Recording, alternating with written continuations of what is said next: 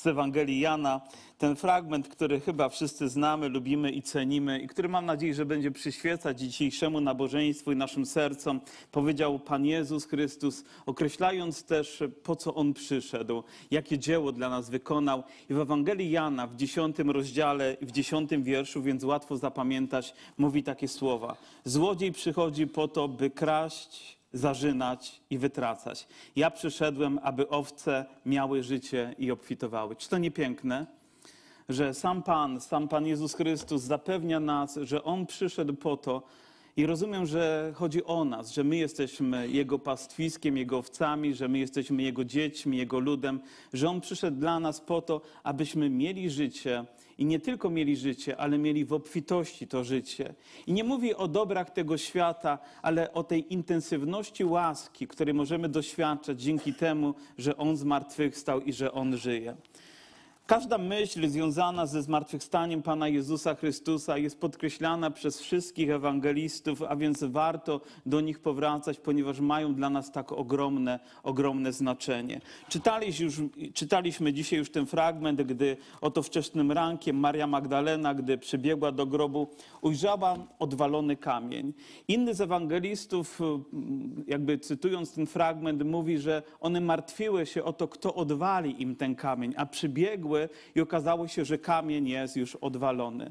Myślę, że to takie znamienne, że my jako ludzie często martwimy się o to, co Bóg już w swojej łasce dla nas zaplanował i uczynił. Że nie musimy się martwić, ale wiemy, że ten kamień został odwalony, że Jezus zmartwychwstał, że On żyje. I gdy pojawiają się jakieś chwile, jakieś momenty naszego życia, gdy przychodzą i dopadają nas ciemne myśli, jak to się dalej potoczy, jaki będzie bieg wydarzeń naszego życia albo historii, Pan Jezus chce nam powiedzieć, ten kamień został odwalony. Ja zmartwychwstałem i żyję. I wierzę, że Bóg ma moc zatroszczyć się o to, aby nasze życie w Nim było pobłogosławione, obfite. Mam nadzieję, że Wy również. Że dzięki Jego łasce możemy dzisiaj przystąpić do tego fragmentu i wiedzieć, jak wielkie dzieło się wykonało. I później też czytamy, że oto niewiasty, które tam były i były na zewnątrz grobu, one widząc, że nie ma Pana, płakały. I później też e, ktoś mówi im, czemu płaczesz? I Pan Jezus, widząc, czemu one płaczą, w miasto, czemu płaczesz? Ponieważ one szukały Zbawiciela. Pojawiają się łzy smutku, ale tylko Bóg może zamienić je na łzy radości. Pojawiają się cierpienia i pojawiają się trudności, ale Bóg dzięki swojemu zmartwychwstaniu, i to jest tak realne. Widziałem to w życiu wielu ludzi, którzy byli w sytuacji, która była wręcz tragiczna, ale przyszedł czas, kiedy Bóg zamienił ją w to, co było chwalebne i pełne łaski dla Niego. I to myślę jest również ważna myśl, którą warto podkreślać, gdy myślimy o tym, czego On dokonał, że, czego On dokonał dla nas. Ale ja dzisiaj chciałbym powiedzieć o trzech wydarzeniach, które miały miejsce związane ze zmartwychwstaniem Pana Jezusa, że trzykrotnie w Ewangelii Jana czytamy, że Pan Jezus ukazuje się swoim uczniom. Trzykrotnie, nie raz, nie dwa, ale trzy razy. Jakbyśmy mieli pewną trudność, żeby za pierwszym razem to dotarło do nas, albo nawet za drugim, że potrzebujemy kolejnego i kolejnego razu. Ktoś kiedyś powiedział, i ja się z tym zgadzam, że Bóg jest Bogiem kolejnej łaski. Że Bóg jest Bogiem, który daje nam zawsze nadzieję. Że bez względu na to, że my czasami upadniemy i zawiedziemy, to mamy tego, który ma moc nas podnieść i poprowadzić dalej.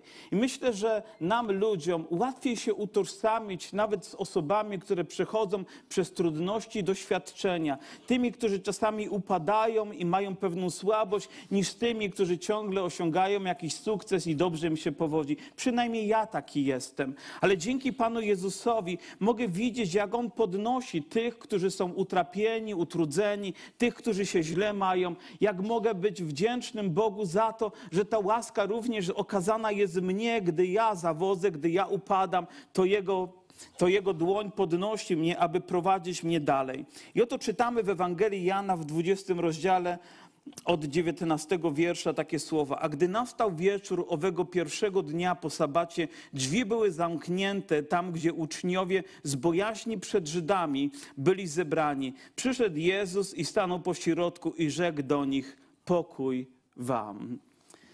Myślę, że to słowo pokój wam dzisiaj moglibyśmy powiedzieć, bo ono jest użyte tak w języku oryginalnym shalom, że to słowo oznacza nie tylko pokój, ale jest też pozdrowieniem, jest czymś głębokim. Nie jest tylko dzień dobry, który wyrzucamy gdzieś szybko idąc, spotykając kogoś, ale jest to słowo, które powinno gdzieś zatrzymać się w naszych sercach, zwłaszcza gdy pochodzi z ust Pana Jezusa. Oto Jego uczniowie, którzy byli za zamkniętymi drzwiami, z bojaźni przed ludźmi, nie wiedzieli, jak ta historia się potoczy, ale ten kamień już został odwalony. Pan Jezus pojawił się pośród nich i widząc też ich stan, mówi te słowa szalom. Wiecie, w tym momencie myślę, że oni ich bardzo potrzebowali. Oto wyobraźcie sobie, jesteście gdzieś zamknięci, jeszcze wystraszeni i nagle w waszym mniemaniu jakaś zjawa się pojawia przed wami. Dopiero jest powód do tego, żeby krzyknąć, żeby się wystraszyć, a Pan Jezus mówi pokój. I myślę, że są na tym miejscu osoby, które właśnie tego słowa dzisiaj potrzebują.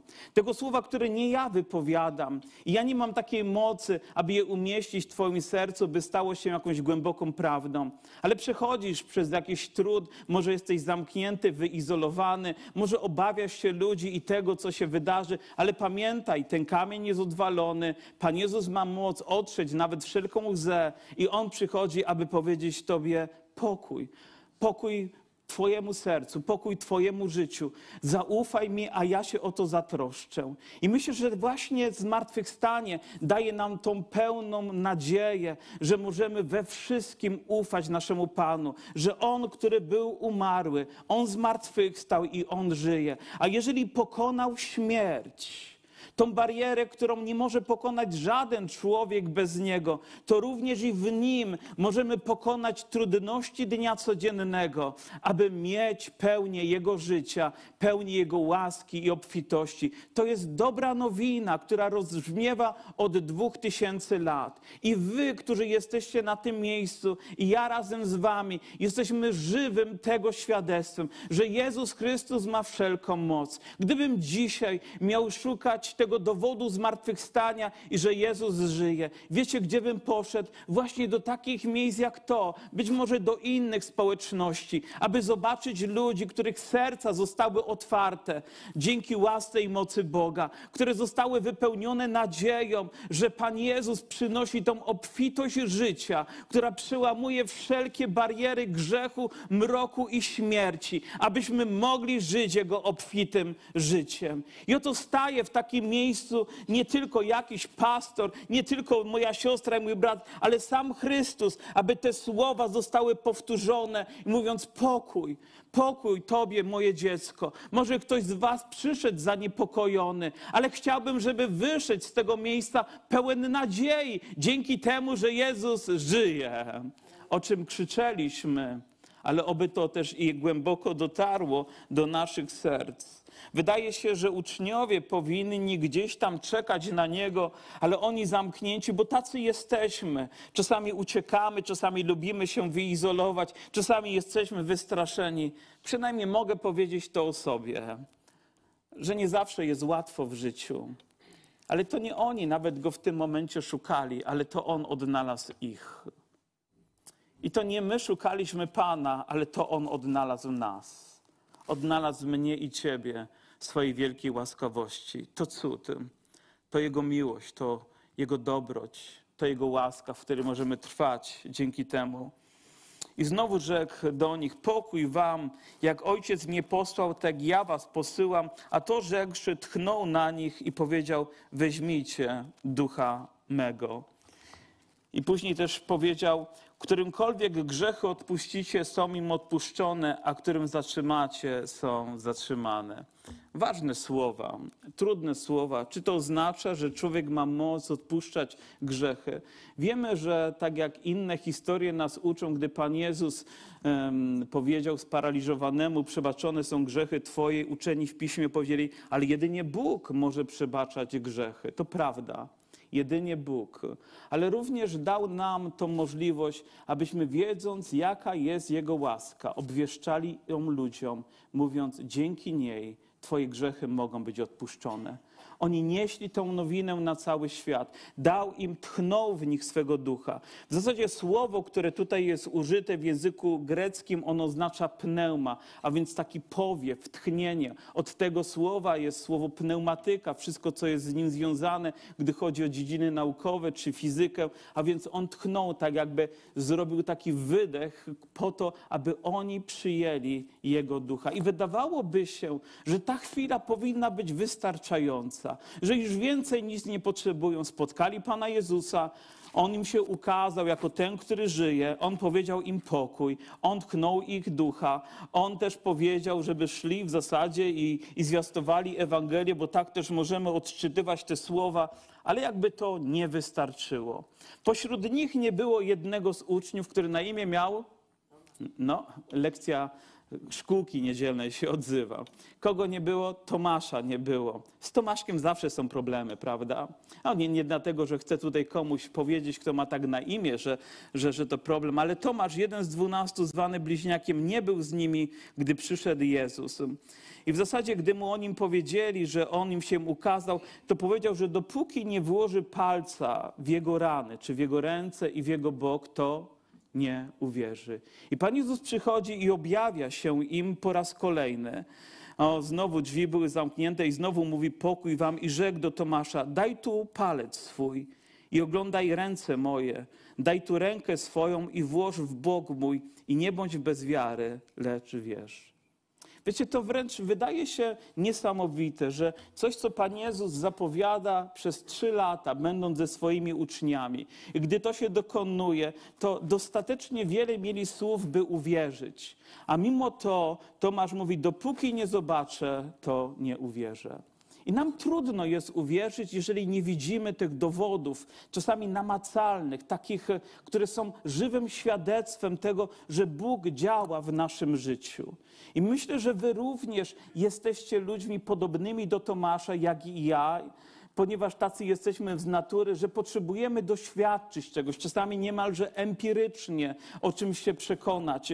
I Bóg odpowiada na tę potrzebę. On przychodzi, staje przed Tomaszem, wyciąga swoje ręce i mówi: Zobacz, dotknij, ale nie bądź bez wiary.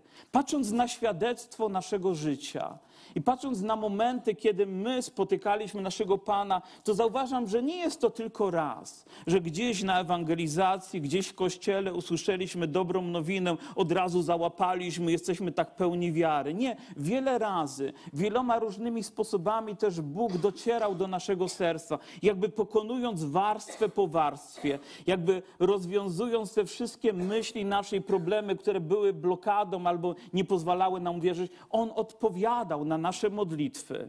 On odpowiadał na nasze potrzeby, abyśmy mogli Go doświadczyć. Wiecie co? Ja nie mogę sprawić, żeby ktoś z Was uwierzył.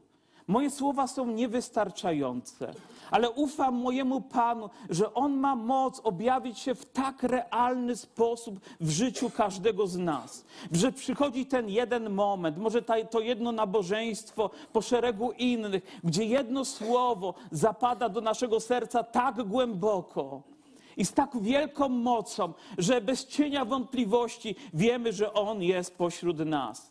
Jeden z braci opowiadał, jak chodził do pewnego zboru przez y, kilka miesięcy i nic, i nic, i nic. Ale przyszła ta jedna niedziela, przyszła ta jedna chwila, to jedno nabożeństwo, i podczas tego nabożeństwa stał się cud, ponieważ Jezus przyszedł i objawił się tak realnie, jak uczniom. Ukazał się w jego sercu, w jego świadomości, w jego życiu w ponadnaturalny sposób. Słyszałem też o pewnym, o pewnym człowieku, który później był kaznodzieją, mieszkał w Indiach, nigdy nie słyszał o Chrystusie, ale zawsze pragnął poznać Boga. Takie było jego serce, aż pewnego dnia spotkał Chrystusa, który mu się objawił, a później poprzez to był jednym z najwspanialszych misjonarzy, o jakim słyszano w Indiach. On się chyba nazywał Sadhu Sundar King, o ile dobrze pamiętam. Nie człowiek mu nawet objawił Ewangelię, ale on poprzez osobiste spotkanie z Chrystusem doświadczył tego. Tak realny jest Jezus.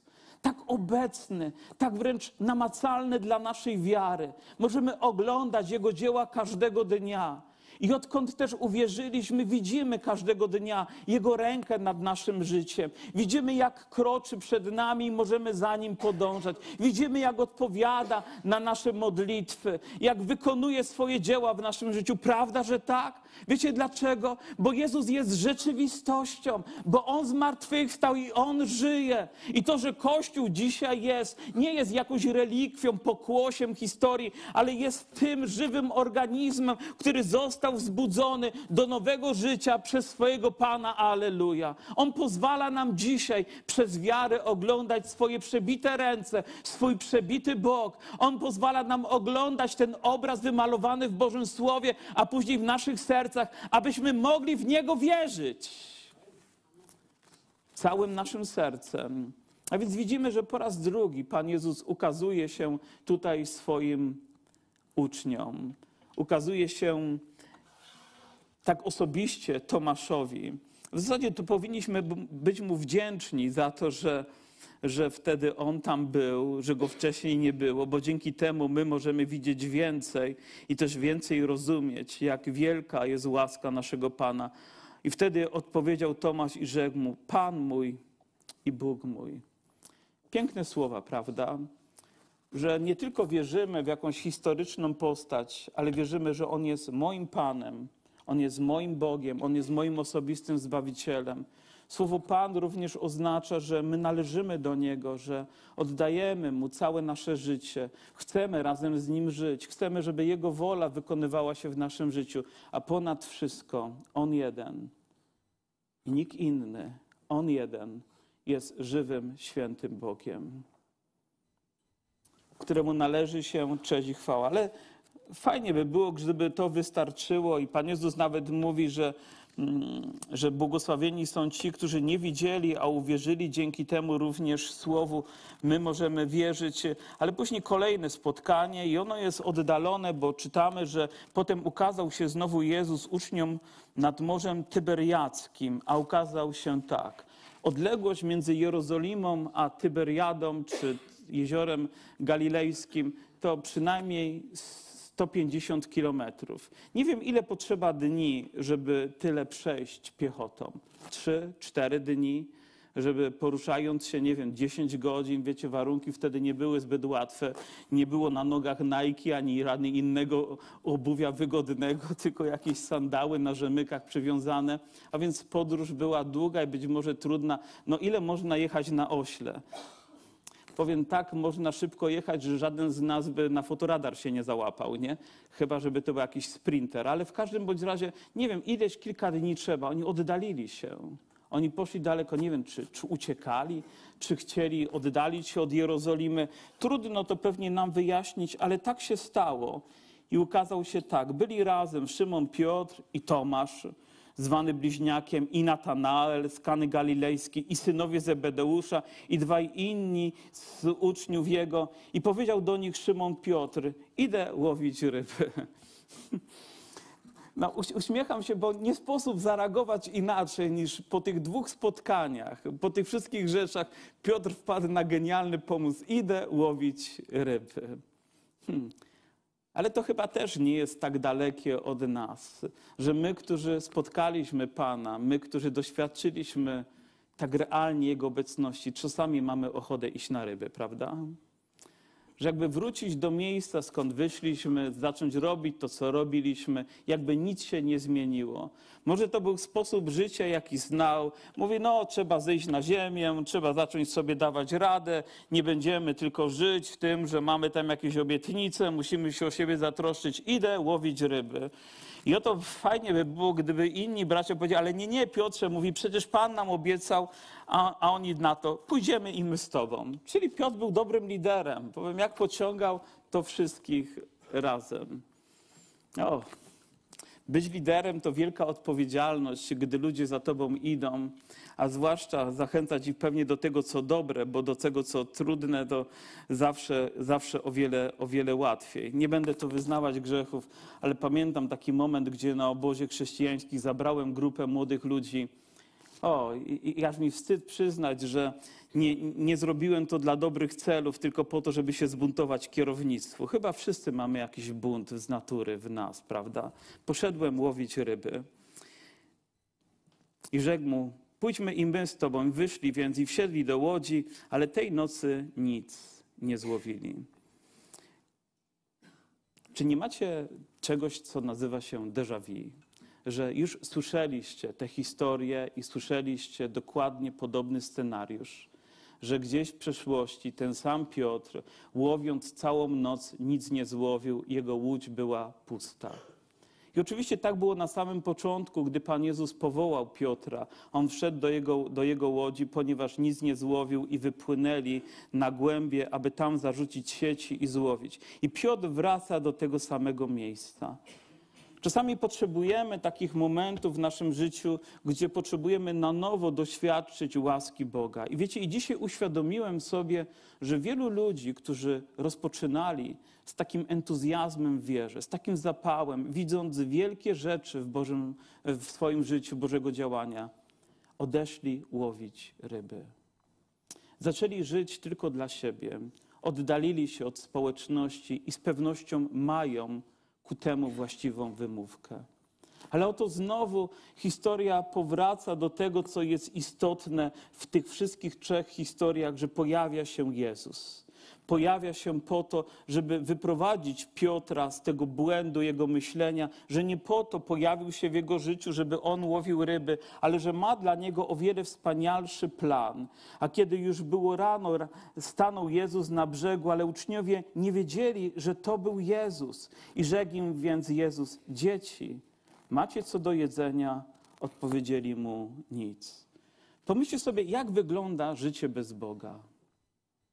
I myślę, że to słowo nic w dużej mierze obrazuje właśnie takie życie. Czytaliśmy na początku, że Pan Jezus obiecał nam, że On przychodzi po to, abyśmy mieli życie i to życie jakie? W obfitości. A oni nie mają nic. Że tak jakby gdzieś zatracili się w swojej wierze, albo ta obietnica nie wypełniała się w ich życiu. Może dlatego, że się oddalili od Pana, może dlatego, że przyszły właśnie myśli i troski dnia codziennego. Ale jak wygląda życie człowieka, który poznał Boga i oddala się od Boga? Czy myślicie, że to życie będzie szczęśliwe? Że to życie będzie spełnione? Że to, co my sami sobie obiecujemy, albo ktoś nam inny obieca, o, jak będziesz bez Boga, to na pewno będzie ci łatwiej. Jest to kłamstwo. Nie ma w tym cienia prawdy, ponieważ życie i szczęście człowieka jest to same z relacją z Bogiem, w tym, że On jest w nas, a my jesteśmy w Nim. I za każdym razem, gdy to jest złamane, gdy oddalamy się i zaczynamy, zaczynamy robić wszystko coś na własnych warunkach, no dobrze, zacznijmy układać nasze życie małżeńskie, nasze życie osobiste i wszystko według naszego scenariusza. Wiecie, co będzie na końcu? To jedno słowo nic. Będzie pustka. Będzie serce, które będzie pogrążone w smutku i w żałobie. Ale gdy spotkamy człowieka, który by nawet tutaj tracił, utracił wszystko, cały majątek, być może pozbawiliby go największych stanowisk, zabrali mu wszystkie tytuły, ale jeżeli będzie miał Bożą obecność w swoim życiu, jeżeli będzie przy Panu, to będzie miał wszystko, o czym obiecywał Pan Jezus, że będzie miał życie i to życie w obfitości, że będzie miał na tyle Jego łaski, by być w tym miejscu, pomimo, że jest to paradoksem, szczęśliwym człowiekiem człowiekiem, bo naszym szczęściem jest być blisko Pana, należeć do Niego i wiedzieć, że On jest na brzegu. Oni nie rozpoznali Go jeszcze. I myślę, że właśnie tak wygląda życie człowieka, który jest oddalony od Boga. Widzi, że On gdzieś jest. Ma świadomość tego, że On jest ale potrzebuje ujrzeć go o wiele wyraźniej. Więc co robi tutaj Piotr? A kiedy e, a on im rzekł: Zapuśćcie sieci po prawej stronie łodzi, a znajdziecie. Zapuścili więc i nie mogli już wyciągnąć z powodu mnóstwa ryb. Wtedy ów uczeń, którego miłował Jezus, rzekł Piotrowi: Pan jest. Szymon Piątz jest, usłyszawszy, że Pan jest, przepasał się szatą, był powiem nagi i rzucił się w morze. Hmm. Oto reakcja, która mi się podoba u Piotra. On jest zawsze taki spontaniczny. On nie czeka. Trzeba wyjść z łodzi, to mi Panie, pozwól mi. On zawsze chce wykonać to z gorliwością. Oczywiście, że czasami zderzał się ze swoją rzeczywistością, swoich ograniczeń i gdy chciał coś zrobić, mój Panie, choćby wszyscy się Ciebie zaparli, to ja jeden tego nie zrobię. Ale miał gorliwość. I wiecie, lubię takich ludzi, którzy są szczerzy przed Bogiem którzy czasami się potkną, czasami upadną, ale mimo to podnoszą się i chcą iść całym sercem za Bogiem. Aleluja. I Bóg ich w tym naprawdę błogosławi. I widział tę szczerość i otwartość i naturalność Piotra. Był nagi. Nie wiem, jak można pracę wykonywać na, łodzie, na łodzi, będąc nagim, ale wygląda na to, że oszczędzał pewnie swoje ubrania, bo wtedy nie były tak tanie jak dzisiaj w half price, czy gdziekolwiek można je kupić. Trzeba było wiele zapłacić, ale przepasał się e, ubraniu, aby, aby do niego popłynąć. Wiecie, człowiek, kiedy utracił społeczność z Bogiem, i był nagi, zaczął się wstydzić. I on, gdy miał przyjść do Pana, nie chciał przyjść nagi. Dlaczego? Bo się wstydził. Przed innymi mógł pracować razem z nimi, ale nie przed Jezusem. Myślę, że to jest naprawdę myśl, którą warto gdzieś rozkminić głębiej w swoim sercu. Nie przed Jezusem. Nie chciał być naki. Wiedział, że potrzebuje się ubrać. Czy kiedy ja staję przed Chrystusem, mam świadomość, że nie staję tylko przed człowiekiem, nie staję przed jakąś moją wyobraźnią, ale że staję przed żywym, świętym Bogiem. Potrzebuję być ubrany. I o ile wiem, najlepszym ubraniem wtedy jest mieć szatę białą. Szatę, która została oczyszczona dzięki Jego krwi, dzięki Jego łasce, aby stanąć przed Nim. Ale dopiero gdy gdy rzucił się w morze i, i przypłynął do brzegu, mógł ujrzeć Pana wyraźnie. Żeby ujrzeć Jezusa, potrzeba do Niego przyjść, nawet jeżeli On pojawia się na horyzoncie naszego życia. Nie widzieć Go tylko z daleka i za mgłą, ale ujrzeć Go jako tego, który żyje, który jest na lądzie, który na nas czeka. I oczekuje nawet, że do Niego przyjdziemy. Piotr nie chciał zwlekać ani ułamka chwili dłużej, tylko od razu rzucił się w morze. Powiedzcie, dlaczego ludzie czekają, żeby przyjść do Boga? Dlaczego? Bo są nadzy, bo się wstydzą, bo nie są pewni, bo coś ich powstrzymuje, bo chcą po swojemu. Łódź jest pusta, nie mają nic, a mimo to wciąż chcą tam pozostać. Ale jeżeli przychodzimy do Jezusa, On obiecuje nam, że da nam życie, o którym zawsze marzyliśmy i tęskniliśmy. On nie pozbawi Cię radości, ale uczyni ją o wiele większą i wspanialszą dzięki Jego obecności. To wszystko inne, czym próbuje się nastraszyć przed żywym Bogiem, jest kłamstwem, ale gdy przychodzimy do Niego, odkrywamy prawdę, która wyzwala nasze serca, otwiera nasze oczy, abyśmy mogli ujrzeć. Czasami ktoś się boi, o jak przyjdę do Jezusa, to nie wiem, może żona mnie opuści, albo mąż mnie opuści, albo przyjaciele mnie opuści opuszczę, albo inne rzeczy się wydarzą, albo nie będę mógł czynić to, co daje mi radość. To nie jest prawdą. Prawdą jest to, że gdy przyjdziesz, zaczniesz odkrywać, jak wspaniałą jest rzeczą mieć rodzinę, kochającą rodzinę, szanującą się rodzinę, jak wspaniale jest mieć przyjaciół, którzy nie są tylko z Tobą na chwilę i z powodu tego, że mają z Tobą jakiś interes do zrobienia, ale stają się Twoimi braćmi, stają się Twoimi siostrami. Pan Jezus powiedział, jeżeli tutaj zostawimy jakąś rzecz, to otrzymamy pod po stokroć więcej, a nawet jeszcze niż stokroć więcej, ze względu na Jego łaskę. I prawdą jest to w życiu każdego z nas, że przychodząc do Jezusa, właśnie taką obfitość otrzymaliśmy. Amen. Ale to jeszcze nie koniec kazania. Pójdźmy jeszcze chwilę dalej.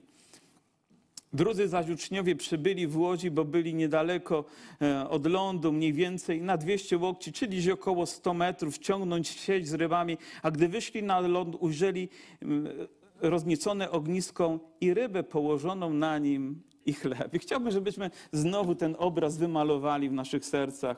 Ryba i chleb, chleb i ryba. Pan Jezus pewnego dnia, widząc tak wielki tłum, zapytał, czym ich nakarmimy. Nawet do Filipa powiedział, czym nakarmimy. A, a Filip mówi, no nie mamy tyle pieniędzy, żeby nakarmić. Ale okazało się, że jest tam jakieś dziecko, które ma trochę chlebków i, i, i rybek, też niedużo. I to wystarczyło, żeby Jezus wziął, pobłogosławił, aby taką obfitość dać całemu ludowi. Wiecie, to co ma Jezus dla nas, to chleb i rybę, która jest wystarczająca, abyśmy mogli być nasyceni. To, co On ma dla nas, to łaskę i miłość, wolność i przebaczenie, nadzieję i zwycięstwo, chwałę i moc. On to wszystko dla nas ma. To zostało dane nam tylko dzięki Niemu. I ten obraz możemy widzieć w całej Ewangelii i możemy nim nasycać nasze życie i po prostu się tym obrazem cieszyć, a później doświadczać tego. Pan Jezus czekał na nich, już nie muszą nie mieć nic. Jak wiemy, ta sieć wypełniła się wielkimi rybami. Wiemy, że było ich 153. To była obfitość. Zarzucili na prawą stronę. Nie wiem, może wtedy nas zarzucano tylko na lewą stronę, ale Pan Jezus chciał, żeby na prawą i zagarnęli te wielkie mnóstwo ryb. I później mogli też nimi nawzajem się obdarzać, czy upiec i najeść dosyta. Ale stało się to nie dlatego, że oni mieli taką moc, by to stworzyć, ale dlatego, że uczynili to na słowo Jezusa. Przyszli do Niego, a On o nich się zatroszczył.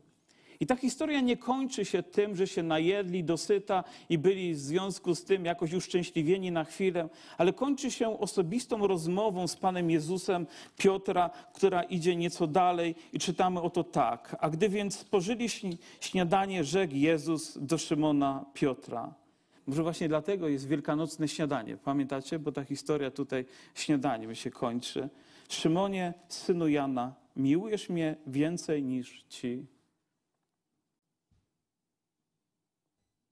Nikt nie odpowiedział? A może odpowiedzieliście w swoim sercu? On kiedyś powiedział: Panie, choćby wszyscy Cię opuścili, to ja jeden nie zrobię tego. Wiecie, że słowo miłość w naszym języku to jest jedno słowo, którym używamy, w zasadzie używamy do wszystkiego. O, miłujemy dobre jedzenie, albo kochamy dobre jedzenie, tak? Kochamy jakąś dyscyplinę sportu, kochamy jakichś zawodników, może jakichś artystów. Kochamy żonę, kochamy dzieci, kochamy przyjaciół, kochamy mamę, kochamy tatę. Ale powiedzcie, ale jaką miłością powinniśmy kochać Boga? Gdy Pan zadaje to pytanie, to nie dlatego, że nie zna odpowiedzi, tylko chce, żeby Piotr zweryfikował swoje serce. Mówi, Piotrze, miłujesz mnie? Albo mówi, dobrze, czy jestem tylko Twoim kolegą, Twoim przyjacielem? Miłujesz mnie bardziej niż inni? Rzekł mu, tak, panie. I nawet jest tu z wykrzyknikiem, więc rozumie, że zrobił to dynamicznie, jak na Piotra przystało. Ty wiesz, że Cię miłuję. Życzę mu, paś, owieczki moje. Ale życzę mu znowu po raz drugi. Wiecie, ta historia kończy, nie kończy się pierwszym pytaniem, ale drugim. I również się jeszcze nie zakończy. Mówi, mm, Szymonie, synu Jana, miłujesz mnie, życzę mu. Tak, Panie, Ty wiesz, że Cię miłuję, życzę mu, paść owieczki moje. I życzę mu po raz trzeci, Szymonie, synu Jana, miłujesz mnie. Zasmucił się Piotr, że mu po raz trzeci powiedział, miłujesz mnie? Odpowiedział mu, Panie, Ty wszystko wiesz. Ty wiesz, że Cię miłuję. Kiedy myślę o tej rozmowie krótkiej, dynamicznej, głębokiej Piotra z Panem, myślę też o moim sercu i o mojej postawie wobec Niego. Gdyby Pan dzisiaj przyszedł i nie Szymona Piotra, nawet nie Was, ale mnie spytał, Jarku, synu Antoniego, miłujesz mnie? Bardziej niż inni. Powiedziałbym, Panie, tak, Ty wiesz, że Cię miłuję. Łatwo, szybko odpowiedzieć. Ale gdyby mnie drugi raz zapytał, miłujesz mnie? Powiedział, no potwierdzam, tak, Panie, miłuję Cię. Ale gdyby po raz trzeci usłyszał to samo pytanie, nie wiem, czy nie zadrżałoby w tym momencie moje serce. Panie, o co Ci chodzi? Czy oznacza to, że chcesz czegoś więcej ode mnie, że to, co mam w swoim sercu jest niewystarczające, że potrzebujesz o wiele głębszego mojego oddania, poświęcenia. Najdoskonalszym rodzajem miłości w Biblii jest miłość, która nazywa się agape. Miłość, która jest wyrażona całymi nas, we wszystkim. W zasadzie tą miłością obdarzamy Boga i tą miłością obdarzamy Jego lud, obdarzamy innych. Jest to ten rodzaj miłości, z którą nie rodzimy się tylko i ona jest w nas cały czas, ale jest to rodzaj miłości, którą otrzymujemy od Boga po to, żeby okazać. Możemy być dobrymi przyjaciółmi, możemy miłować ludzi, możemy miłować żonę, możemy rzeczywiście mieć tutaj wspaniałą chemię w naszym organizmie odnośnie innych ludzi, ale ten rodzaj miłości pochodzi z nieba, pochodzi od Jezusa. Pochodzi tylko dzięki temu, że On zmartwychwstał i że On żyje. To jest ten rodzaj miłości, który jedynie przynosi całkowite uzdrowienie naszemu sercu, daje całkowite spełnienie naszemu życiu, daje obfitość, której tak bardzo pragniemy. Tylko ten rodzaj miłości, który pochodzi od Niego. Będąc z nimi, będąc blisko Niego, właśnie tego doświadczamy, właśnie tym nasycamy nasze życie. To nie wydarzyło się za pierwszym razem, za drugim spotkaniem. Za każdym razem pewnie jakiś progres się dokonywał, jakaś rzecz miała kolejne miejsce, ale dopiero tutaj, gdym zatrzymał się, zmartwychwstały Pan stanął przed Piotrem, mówi: Miłujesz mnie? Powiedzcie, dlaczego jesteśmy dzisiaj na tym miejscu? Dlaczego wyrażamy nasze pieśni w taki sposób? Dlaczego się modlimy? Dlaczego chcemy Mu służyć? Czy tylko dlatego, żeby inni to zobaczyli, albo spełnić samych siebie, albo spełnić jakiś obowiązek i nie wiem, przyćmić jakoś sumienie, które próbuje nas oskarżyć, że nie robimy. Ale myślę, że najwyższym wyrazem naszego oddania i naszego poświęcenia, i to przynosi też największą chwałę naszemu Bogu, jest to, że my Go miłujemy. Wiecie, każda rzecz, która jest związana ze zmartwychwstaniem Pana Jezusa Chrystusa jest tak ważna, ale to, że możemy dzięki temu miłować Jego, jest jakby największą i najspanialszą, która może dokonać się w sercu człowieka. Że w każdym dniu możemy miłować Pana i w związku z tym możemy wykonywać Jego dzieła. Paś, owieczki moje.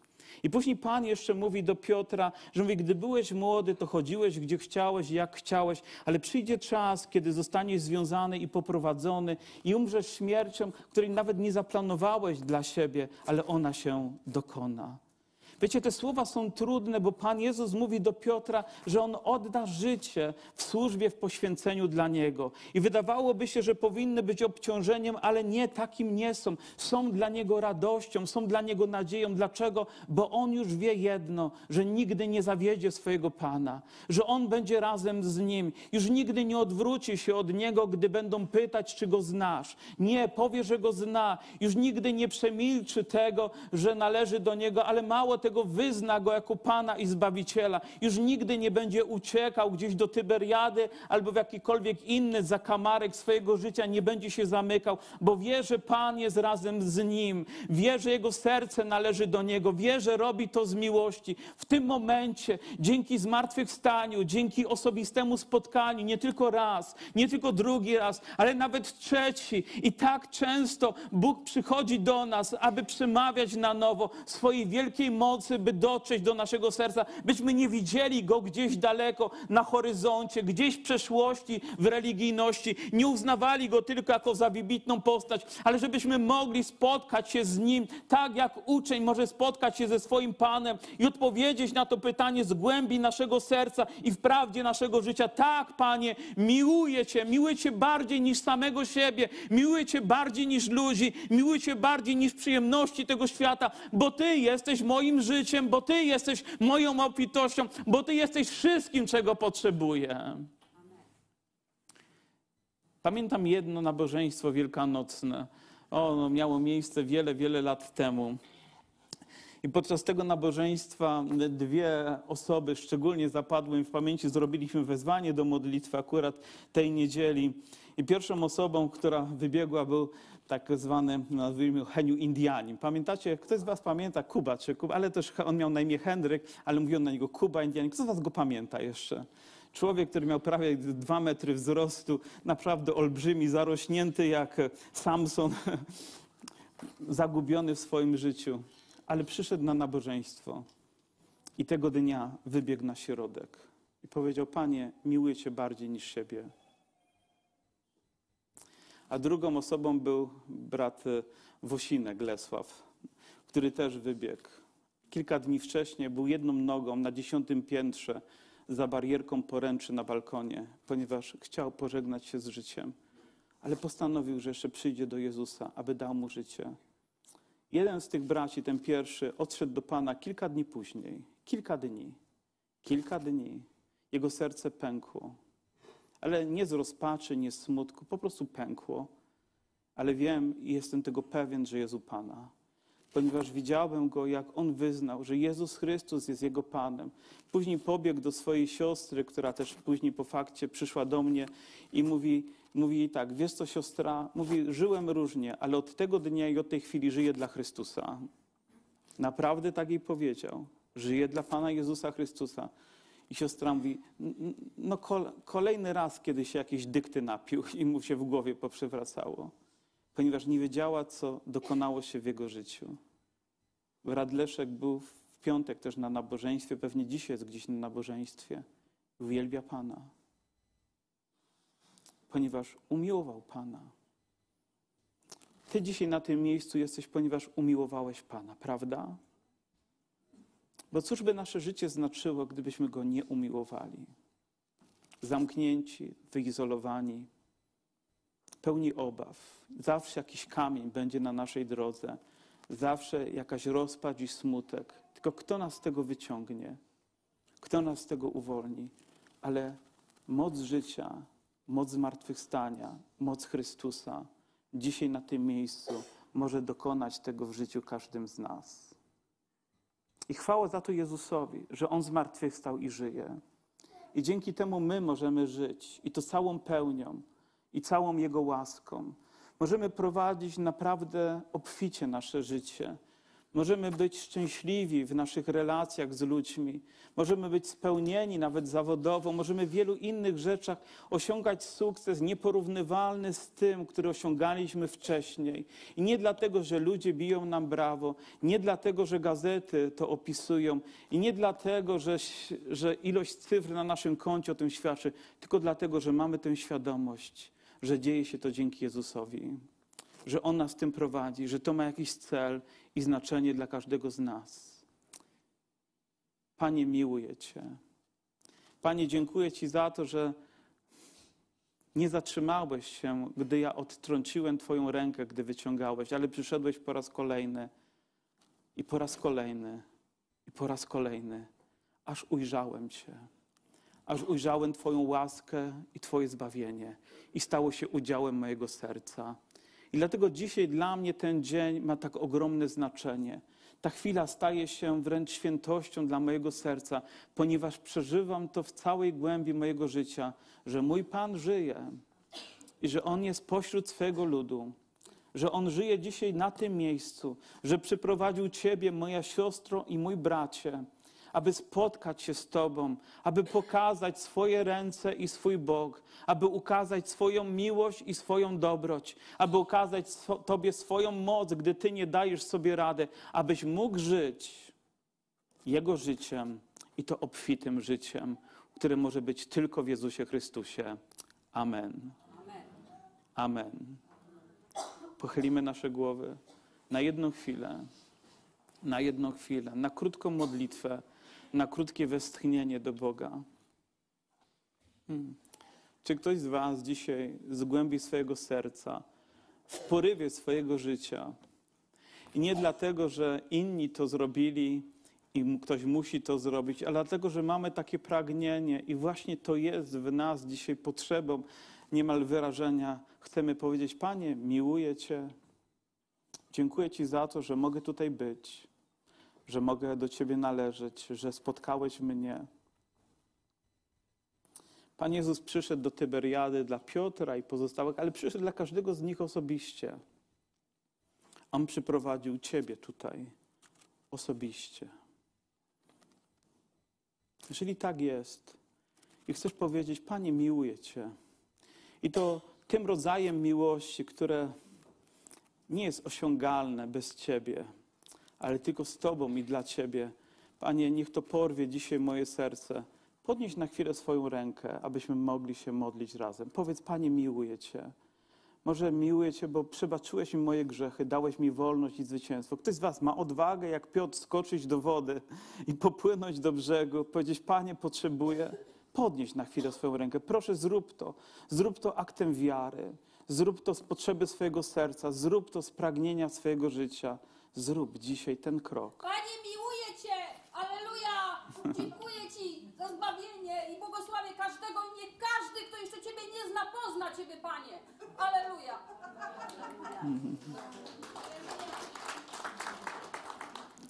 Ta siostra dokończyła moje kazanie albo zrobiła to, co my wszyscy chcieliśmy zrobić, tylko nie mieliśmy odwagi. Bo kto z nas ma odwagę się wychylić? Kto z nas dzisiaj w tym świecie ma odwagę powiedzieć: Panie, miłuję Cię? Powiedz to swoim kumplom w pracy. Wiecie co? Miłuję Boga. Ha, ha, ha. Wrócisz do domu, powiesz swojej żonie: Wiesz co? Od dzisiaj miłuję Pana Jezusa bardziej niż Ciebie.